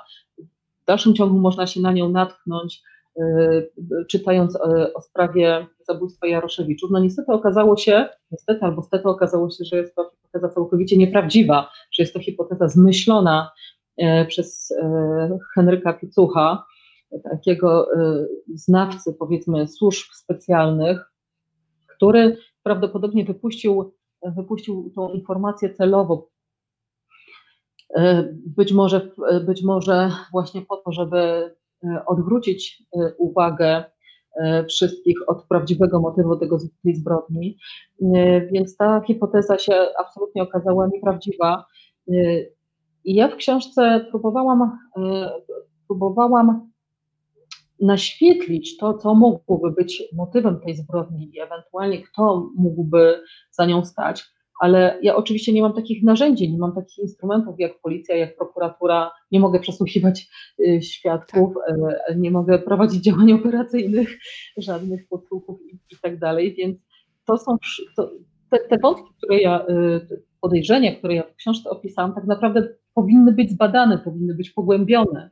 Te zabójstwa, które są do, dookoła tej sprawy, powinny zostać wyjaśnione e, i wtedy być może byśmy się e, zbliżyli do, do rozwiązania tej sprawy. Także tak, tak myślę, że ta książka mogła, powinna być impulsem do tego, żeby absolutnie nie poprzestawać na, na, na takim prostym rozwiązaniu tej sprawy, które obecnie przyjęła prokuratura, że to był napad rabunkowy e, i że ci złodzieje tam weszli po to, żeby okraść państwa Jaroszewiczów, a tylko właściwie nie wiadomo, przypadkiem, czy nie wiadomo dlaczego ich zamordowali, prawda? Tak. Że nie należy, nie należy absolutnie mm, na tym poprzestawać i należy y, po prostu wyjaśnić tą sprawę y, i, i odpowiedzieć y, na pytanie, kto, kto zamordował byłego premiera, skazać winnych.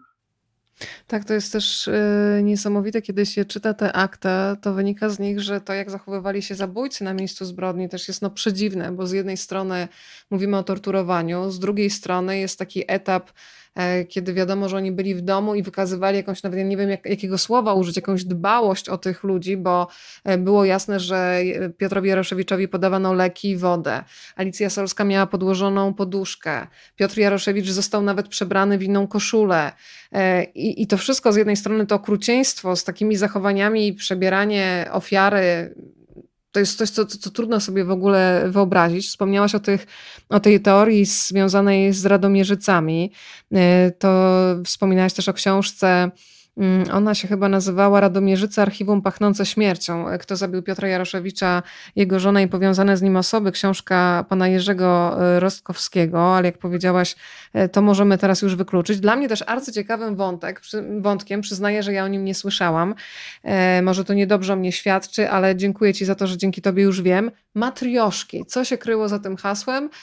Bo to też jest bardzo ciekawy wątek, o którym piszesz. To jest też bardzo ciekawy wątek i on jest e, właściwie nie, nie, nie przez to, że nie ma dowodów, nie ma dokumentów, przynajmniej póki co w Polsce nie ma ich, być może są e, w Rosji, e, być może są w Moskwie, w, w archiwach, które są oczywiście w dalszym ciągu zamknięte. Więc no, matrioszki to były, to jest historia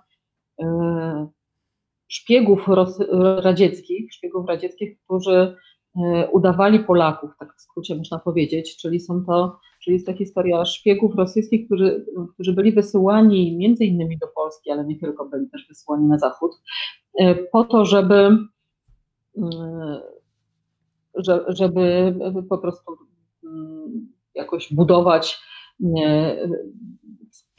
uczestniczyć w budowaniu tego nowego, nowego życia, nowego świata po wojnie.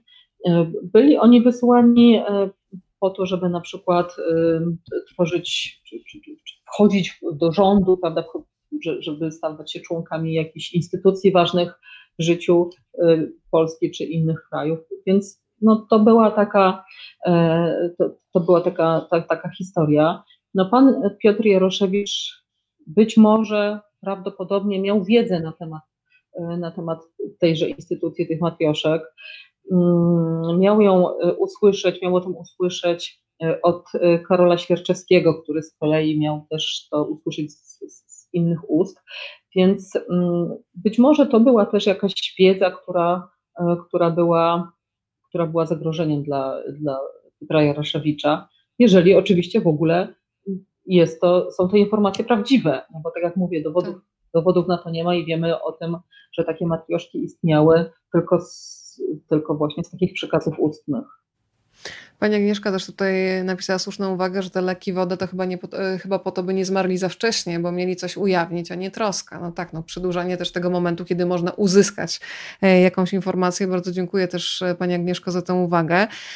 Widzę, że Państwo Albo już... w ogóle być może w ogóle nie było jakby planowane zabójstwo, być może oni mieli, być może oni mieli przeżyć. Nie można wykluczyć też takiej tak. sytuacji. Tak, tych, tych pytań w głowie jest e, coraz więcej. Widzę, że Państwo już tutaj się domagają maszyny losującej, bo coraz więcej hashtagów rozmawiam, bo lubię się pojawia. Dla tych, którzy są z nami dzisiaj po raz pierwszy, już wyjaśniam. Wszyscy, którzy mają ochotę wziąć udział w losowaniu książki Moniki Góry, e, udostępniają to spotkanie na swojej osi czasu, wpisują hashtag rozmawiam, bo lubię, a my już dosłownie za 30 sekund, jeżeli ktoś jeszcze ma ochotę, to proszę wpisywać pod e, profilem facebookowym rozmawiam, bo lubię ten hashtag. Zaraz będziemy losować książkę. Mm, ale widzę, że już pojawiają się też też y, kolejne pytania, które zaraz przytoczę, to tak, uruchamiamy maszynę i zaraz wracamy tutaj do spotkania. Cieszę się, że Państwa biblioteczka się mm, poszerza, że wspólnie czytamy te książki, które na długo zostają w głowie i zaraz zobaczymy, kto będzie kolejną osobą, która będzie mogła czytać, o proszę, i też takie ładne książkowe bym powiedziała nazwisko. Pani Moniko, gratuluję i też proszę o maila, rozmawiam, bo lubię gmail.com, a my wracamy do Moniki. E, Monika, powiedzmy jeszcze, ja w zasadzie mam jeszcze trzy pytania od siebie. Jeżeli Państwo mają swoje, to, to, to bardzo proszę, to jest idealny moment, żeby je zadać. Jedno z pytań e, dotyczy tego, mm, kto stawał na ławie oskarżonych. Powiedzmy trochę o tych ludziach, którzy byli oskarżeni e, i jakie były ich losy dla tych, którzy kompletnie nie, nie kojarzą jeszcze tego, na jakim etapie jest sprawa, kto stawał przed sądem, jak y, zmieniała się sytuacja, bo ona jest cały czas bardzo dynamiczna.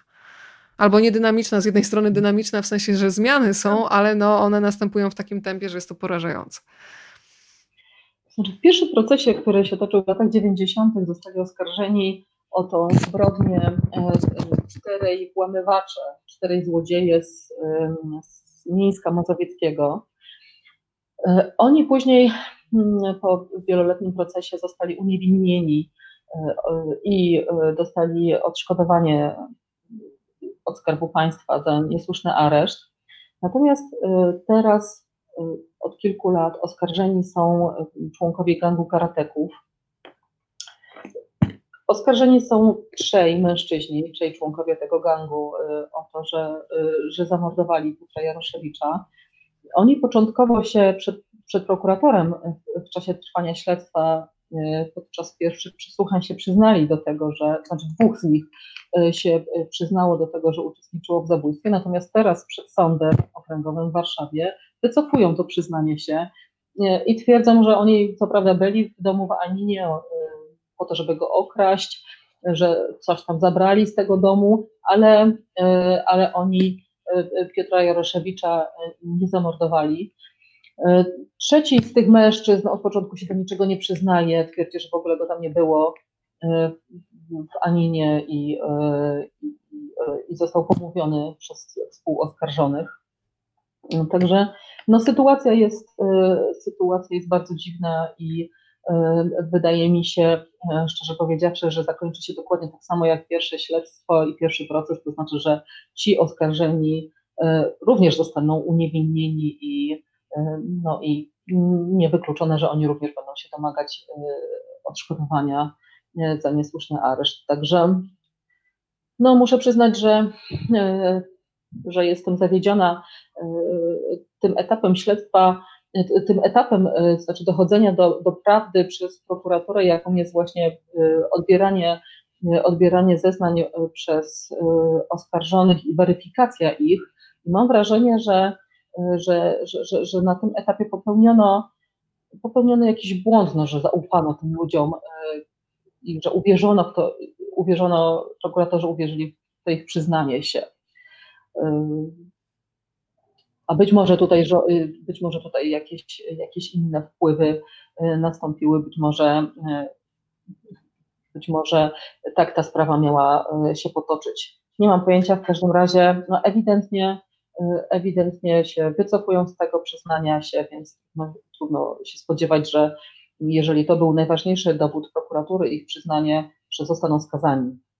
Wydaje mi się, że, że, że, że raczej nie ma takiej możliwości. To bardzo na miejscu jest tutaj pytanie od pani Basi, e, czy komuś jeszcze zależy na rozwikłaniu tej tajemnicy? Czy kiedy pracowałaś nad tą książką, miałaś, e, Moniko, takich, bo byli tacy, którzy utrudniali, tacy, którzy nie chcieli rozmawiać, być może dlatego, że po prostu się boją, i ja się też temu nie dziwię, ale czy odczułaś też w środowisku dziennikarskim, policyjnym, w środowisku prokuratorskim takich sprzymierzeńców, że czujesz, że są ludzie, tacy jak ty, którym zależy na tym, żeby finał ten sprawy w końcu, finał ten sprawy w końcu stał się jasny? To znaczy, wszyscy deklarują, że, że, że chcą rozwikłania tej sprawy.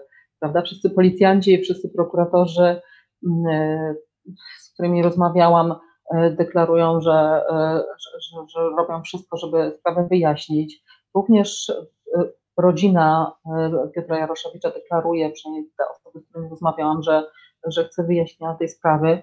Natomiast ja szczerze powiedziawszy nie odnoszę takiego wrażenia, żeby, żeby tutaj ktoś mm, wiele robił dla, dla wyjaśnienia sprawy.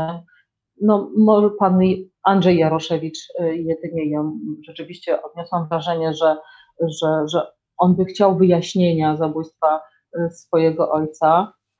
Natomiast mam wrażenie z kolei, że pan Andrzej Jaroszewicz też wie więcej niż mówi i że, ale być może dlatego, że się boi po prostu. Zresztą mhm. E, pan Andrzej Jaroszewicz ostatnio udzielił takiego wywiadu, w którym sam powiedział o tym, że, e, że co oni mogą mi zrobić, czy, czy, czy mogą mnie zabić co najwyżej, co więcej mogą mi zrobić. Więc to, to po prostu wskazuje, prawda, że, że on się w dalszym ciągu boi, to znaczy, że dopuszcza taką możliwość, że wyjawienie przez niego pewnych tajemnic, prawdy o tym zabójstwie, może narazić go na utratę życia. To jest przerażające, prawda? Tak. Tyle, lat po, tyle lat po zabójstwie sugerowałoby to, że ciągle ci ludzie, którzy być może za, zadecydowali o, o śmierci państwa Jaroszewiczów, w dalszym ciągu są groźni w taki sposób, że mają taką moc, żeby syna pana e, Piotra Jaroszewicza E, no, jakoś prawda, unicestwić i, i sprawić, żeby zamilkł, e, a nie wyjawił e, tego, co wie na temat tej sprawy. Także... Powiem ci, że po tej książce ja sobie pomyślałam, że czasami jak patrzę na filmy kryminalne i wydaje mi się, że scenarzyści mają trochę wybujałą wyobraźnię, no to sprowadziłaś mnie na ziemię i pokazałaś, że e, życie bywa dużo bardziej brutalne od scenariuszy filmowych. Ja mam cały czas w głowie te sceny, kiedy giną ludzie, którzy są po prostu eliminowani. Człowiek, który jest zamykany w, w takiej w zasadzie trumience za życia, w skrzynce metr tam 70 na, na ileś, gdzie on po prostu jest pakowany pod ziemię i po prostu umiera w męczarniach bez dostępu do powietrza. I to są rzeczy, których już się nie da wyrzucić z pamięci, więc zastanawiam się, Monika, jak ty sobie radzisz, pracując nad takimi, a nie innymi tematami? Wspomniałam też e, sprawę Iwony Cygan z roku 98, równie wstrząsającą i też poruszającą ze względu na to, jak bardzo rodzina chciała dowiedzieć się prawdy, jak bardzo to wszystko utrudniano. Jak ty sobie radzisz z takim, nie wiem jak to nazwać, no takim osadem emocjonalnym, tymi obrazami, które zostają gdzieś w głowie, e, kiedy się czyta akta? Masz jakiś taki sposób na wymazywanie tego po to, żeby mieć siłę po prostu na więcej, żeby zająć się kolejną sprawą? No myślę, że ja już się przyzwyczaiłam troszkę. Jest, jest trochę taki, taki syndrom jakiejś takiej odporności na, na, na właśnie e, te, te, tragiczne sceny, tragiczne obrazy. Ja to traktuję bardziej jako e, powiedzmy taką zagadkę do, e, do, do rozwikłania. Oczywiście bardzo współczuję rodzinie pana Piotra Jaroszewicza i pani Solskiej, jak najbardziej. Również w przypadku mm, Iwony Cygan byłam i jestem w dalszym ciągu tutaj bardzo blisko z, z rodziną. Natomiast samą, samą sprawę już po jakimś czasie traktuję jako, jak, jako po prostu zagadkę do rozwiązania, jako jakieś śledztwo, które musi mieć swój finał. I ja jestem tutaj po to, żeby, żeby pomóc rodzinie, e, w dotarciu do prawdy. Bardzo cenne pytanie pani Weroniki, mojej imienniczki, i powiem, że chyba mi czyta w myślach. Bo powiem ci, Monika, szczerze, że po przeczytaniu twojej książki, takim pytaniem pierwszym, które zadudniło wręcz w mojej głowie, było pytanie o to, Czy ty się sama nie bałaś? I pani Weronika w zasadzie pisze o tym samym, skoro jest taka sprawa, mm, w której wszystkie osoby zachęcane do rozmów na ten temat nie chcą e, rozmawiać, bo mogą się bać, to czy ty sama nie miałaś żadnych obaw? No właśnie, że jesteś dziennikarką, która zaczyna odkrywać nowe tropy, zaczyna ujawniać sprawy, które są dla wielu osób niewygodne. Nie miałaś ani przez chwilę takiej myśli, że nagle ty możesz dostać ostrzeżenie. Nie dotykaj tego. Oczywiście, że miałam, bardzo często mam, a nawet cały czas mam takie, e, takie, te, te, takie wrażenie, że takie, te, taką obawę, że, yy, że i po mnie mogą przyjść, że również mnie mogą próbować zastraszyć, żebym się sprawą nie zajmowała. Ale w momencie, kiedy nachodzą mnie takie myśli, yy, zdaję sobie sprawę z tego, że tak naprawdę nie jestem dla tych zleceniodawców czy sprawców zagrożeniem. Prawdziwym zagrożeniem dla, dla nich są osoby, które są bezpośrednimi jakimiś świadkami e, tamtych wydarzeń, albo e, osób, które mają wiedzę na temat tychże dokumentów, tych archiwaliów, czy tej wiedzy, którą miał pan, Jan Jarosze, e, pan Piotr Jaroszewicz. Prawda? Te osoby, które są, które się bezpośrednio zetknęły z tą sprawą i mogą jako świadkowie wystąpić i, i opowiedzieć, o tym, opowiedzieć o tym, co widziały, czy co słyszały, czy czy co wiedzą na temat sprawy. Ja jedynie badam jakieś tropy i, e, i, i nie sądzę, żeby e, nie sądzę, żeby one spowodowały strach u tych, e, u, u tych osób, które są odpowiedzialne za tą zbrodnię. Dlatego też właśnie myślę, że rodzina pana Piotra Jaroszewicza się boi i myślę o tym, że myślę, że osoby takie jak mm, jak właśnie ta dziennikarka, o której opowiadałam, też może się obawiać, właśnie z tego powodu, że one dotknęły tych bardzo wrażliwych, newralgicznych rzeczy osobiście. I one mogłyby być bezpośrednimi świadkami um, prawdziwego motywu tej zbrodni. Czy mogłyby zeznać o tym, co było prawdziwym motywem tej zbrodni. Kolejne pytanie pani Agnieszki e, powoduje taką krótką i szybką refleksję, że szkoda, że faktycznie zwierzęta nie mogą mówić, e, bo pani Agnieszka pyta o to, co się stało z psem, mm, który przeżył, jak rozumiem. Mowa o psie, który był w posiadłości państwa Jaroszewiczów. Kto się nim potem opiekował? E, jak pani Agnieszka zauważa, no słusznie, to był w zasadzie jedyny taki świadek morderstwa. Gdyby mógł mówić, to wszystko byłoby jasne, no ale wiadomo, że jest to niemożliwe. Czy wiadomo potem, co się wydarzyło, Moniko, z, z tym psem, który był w posiadłości Jaroszewiczów w trakcie dokonywania zabójstwa? Ten pies jeszcze żył y, podobno y, rok, y, przez rok, a później pytałam nawet ostatnio właśnie pana Andrzeja Jaroszewicza o, o to, on mi powiedział tylko, że ten pies zdechł mniej więcej po roku czasu od zabójstwa, ale z kolei inny dziennikarz opowiadał mi taką dosyć zadziwiającą historię, że policjant, który pracował przez jakiś czas z Poznania, który pracował przez jakiś czas e, nad tą sprawą, kwestia tego psa nie dawała mu spokoju. Już po zakończeniu całego śledztwa, chyba już w czasie tego pierwszego procesu sądowego, on się zakradł do, e, na teren tej działki w Aninie, gdzie był dom e, Jaroszewiczów i odkopał tego psa, bo on był tam, ten, ten, ten pies był tam zakopany po, po swojej śmierci. Odkopał tego psa i poddał go y, jakiejś takiej prywatnej sekcji zwłok po to, żeby dowiedzieć się, w jaki sposób ten pies zginął, ponieważ on miał takie podejrzenie, że, y, że, y, że został po prostu otruty ten pies. Nie wiem zupełnie, jakie są, jak, jakie były efekty, czy to jest w ogóle prawdziwa, prawdziwa opowieść i nie wiem, jakie były efekty tego śledztwa prywatnego tegoż policjanta. On zresztą już nie żyje, więc nie mogłam się od niego tego dowiedzieć. Mm, ale rzeczywiście kwestia tego psa jest, jest, jest, jest dosyć ciekawa, bo nie do końca wiadomo, w jaki sposób, w jaki sposób sprawcy go unieszkodliwili i, i dzięki temu weszli do domu, ponieważ to był mm, bardzo groźny pies, wszyscy, wszyscy się go bali, a jednak złodziejom czy mordercom, mordercom udało się, udało się go jakoś ominąć i, i do tego domu wejść. To uruchamiamy już ostatnie losowanie dzisiejszego dnia, bo zbliżamy się do finału y, dzisiejszego spotkania z Moniką Górą. Przypominam, hashtag rozmawiam, bo lubię. Państwo udostępniają rozmowę. My już za moment włączamy maszynę i jeszcze do jednej osoby y, książka powędruje. Możemy już uruchomić maszynę, a ja w międzyczasie zadam kolejne pytanie Monice.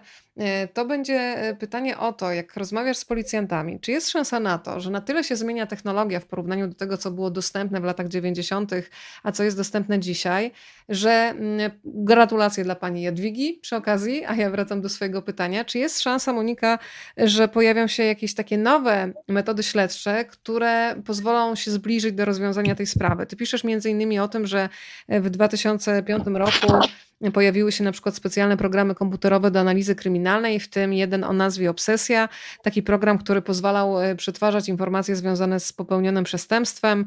E, on, ten program umożliwiał wychwycenie nawet takich drobnych nieścisłości w zeznaniach świadków i tym samym pozwalał znaleźć zależności między pozornie niezwiązanymi zdarzeniami. Mm, czy jest szansa, albo czy już się pojawiło coś, co może trochę przynajmniej popchnąć e, te, to śledztwo do przodu? Ale ja uważam, że e, rozwikłanie tej sprawy w ogóle nie zależy od e, jakichś nowości technologicznych. Mhm. E, rozwikłanie tej sprawy tak naprawdę zależy od, od kilku czynników. Po pierwsze, jestem przekonana, że zależy od woli politycznej rozwiązania tej sprawy. Mam niestety takie wrażenie, że mimo deklaracji ze strony obecnego ministra sprawiedliwości, że jemu bardzo zależy na rozwiązaniu tej sprawy, to mam takie wrażenie, że, y, że, że zależy mu na zamknięciu tej sprawy, a nie na prawdziwym rozwiązaniu tej sprawy. Więc to jest pierwsza rzecz, żeby była taka wola, wola polityczna y, wskazania winnych i, i rozwikłania sprawy. Po drugie, wydaje mi się, że gdyby Agencja Bezpieczeństwa Wewnętrznego zgodziła się na ujawnienie informacji, które wcześniej były w posiadaniu Urzędu Ochrony Państwa, na przykład takich informacji jak to, czy w domu Jaroszewiczów był zainstalowany podsłuch. Jeśli tak, to y, przez kogo był zainstalowany, y, do, jakiego, do, do czego służył, y, co się tam nagrało, jeżeli on rzeczywiście był w domu pana Jaroszewicza. Może nawet nagrał się tam moment zabójstwa. Nie jest to wykluczone, bo jeżeli, jeżeli rzeczywiście, tak jak pan Piotr Jaroszewicz się obawiał, podsłuch był, e, to, to nie jest wykluczone, że ten moment zabójstwa się nagrał. Mm, więc jeżeli by, mm, jeżeli by Agencja Bezpieczeństwa Wewnętrznego zgodziła się e, mm, ujawnić to, co ma w swoich archiwach pochodzących z UOP-u na temat, na temat Piotra Jaroszewicza i ewentualnych jakichś operacji, operacji może specjalnych, które, które tam miały miejsce, albo może na temat y, być może współpracowników, mm, współpracowników y, UBOP-u, czy w ogóle służb wojskowych z rodziny, to w ten sposób byśmy się zbliżyli do rozwiązania tej sprawy. Myślę, że Ale też. rozumiesz, jesteś, jesteś zdecydowaną pesymistką, czyli gdyby teraz zadała pytanie wprost, czy myślisz, że ta sprawa zostanie kiedyś rozwiązana, to odpowiedziałabyś nie. Myślę, że nie. Myślę, że nie zostanie rozwiązana w taki sposób, że nie zostaną wskazani prawdziwi e, zleceniodawcy, e, prawdziwi e, winni tej, tej zbrodni. Może, może ktoś zdecyduje się wydać bezpośrednich wykonawców. Tak, czasami bywa, mm, ale być może nawet tego ryzyka nie podejmie. Myślę, że nie. Myślę, że ta, ta sprawa pozostanie nierozwiązana. Człowiek, który wiedział za dużo, to jest książka, którą Państwo już mogą znaleźć w księgarniach, a książki, które jeszcze Państwo nie mogą znaleźć w księgarniach, należy poszukać w głowie Moniki, bo ja wiem, że ta w zasadzie już prace się kończą z tego, co, co udało mi się dowiedzieć, więc ona jest w komputerze, na pewno dobrze strzeżonym. Ale czy możesz nam zdradzić przynajmniej w dwóch, trzech y, zdaniach, co tym razem e, zajmowało Twoją głowę przez e, wiele miesięcy? Jaki będzie temat kolejnej książki? Tak, no ta książka już nawet jest w wydawnictwie, e, jest gotowa, zamknięta i, i czeka na akceptację, a następnie na druk.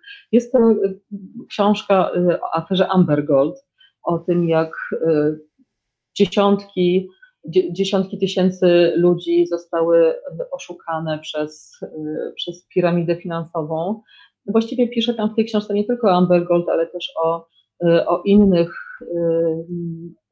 podobnych aferach finansowych, o tym, jak ten system działa mm, i kto go wykorzystuje, kto go tworzy, kto go buduje i, i dlaczego tak naprawdę tutaj też zostali wskazani tylko tacy bezpośredni, powiedzmy, e, wykonawcy, słupy, można powiedzieć, a prawdziwi zleceniodawcy ciągle są w ukryciu. Także pod tym względem te tematy, te książki są podobne do siebie. Monika, bardzo Ci dziękuję za Twój czas, uwagę, uważność, odwagę i tak jak wspomniałaś, jestem razem z Tobą, że bardzo bym chciała, żeby Twoja książka Człowiek, który wiedział za dużo, była taką motywacją dla tych, którzy faktycznie mają władzę, żeby e, tę sprawę e, rozstrzygnąć, żeby znaleźć odpowiedź na te pytania, których dzisiaj padło podczas tego wieczoru wiele. Pięknie Ci dziękuję za spotkanie. E, dziękuję, dziękuję również za obecność Państwu i zapraszam 7 lipca. Wtedy widzimy się z Martą Dzido i jej książką zatytułowaną Sezon na truskawki. A teraz już Państwu życzymy spokojnego wieczoru, chociaż ja sobie myślę, że po takich opowieściach trochę emocje muszą się wystudzić i ochłonąć, ale życzę spokojnego wieczoru. Moniko, jeszcze raz pięknie Ci dziękuję za nasze dzisiejsze spotkanie. Dziękuję również.